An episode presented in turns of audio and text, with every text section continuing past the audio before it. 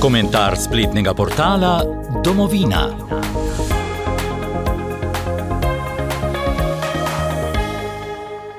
Danes bomo z spletnega portala domovina.je prebrali komentar, ki ga je napisal Rok Čakš, nosi pa naslov Golob na tankem ledu. Takole je avtor zapisal svoje razmišljanje.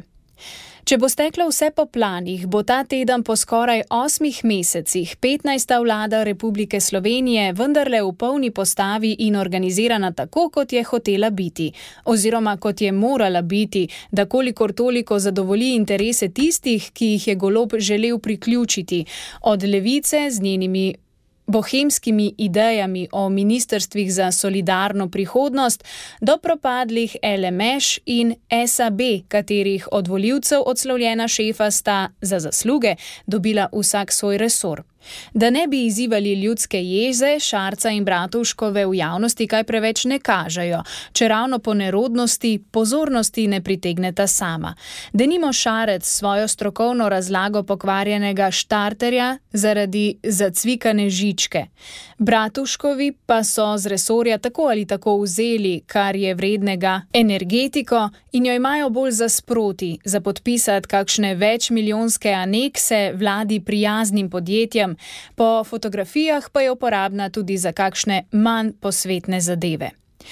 Druga pa je pesem z zadnjo okrepitvijo vladne ekipe, Črnčičevim Boštjanom Poklukarjem, ki bo na funkcijo ministra za notranje zadeve v parlamentu izvoljen ta teden. Bolj kot njegovo imenovanje je problematično ozadje, zakaj je moral priti nekdo, ki je pokornejši oziroma čemu se je Tatjana Bobnar morala posloviti. Vsekakor bo po očiščenju neposlušnega vrha ministerstva in policije potrebno biti zelo pozoren, kaj se bo dogajalo dogajalo s predkazenskim postopkom na NPU, v katerega je preko izjemno problematičnih poslov genija na Balkanu in tudi drugot globoko upleten sam predsednik vlade. Da sta bila Bobnarjeva in VD generalnega direktorja policije Lindau odpisana zaradi enega ali dveh kadrov SDS-a, je zgodba za naivne. Depolitizacija oziroma čiščenje za SDS-om je postal alibi za precej večje umazanije od tistih, ki jih venomer očitajo Janši, a veliki mediji s kapacitetami, da jih temeljito raziščajo in obelodanijo javnosti, še tiščijo glavo v pesek. Dokdaj? je vprašanje na mestu, saj Robert Golop v resnici ni tako trdno v sedlu, kot se zdi na prvi pogled. Niti samo všečnost, niti pijanost od oblasti ne moreta biti izgovor, da vrhovnemu stricu iz ozadja ne dviguješ telefona. Kaj šele, da se mu javno rogaš in ga opravljaš po svojih medijskih kanalih. Ko bodo njegove samopašne arogance ter biznisiranja mimo njih imeli dovolj, se mu bo kaj hitro zgodil veliki pok.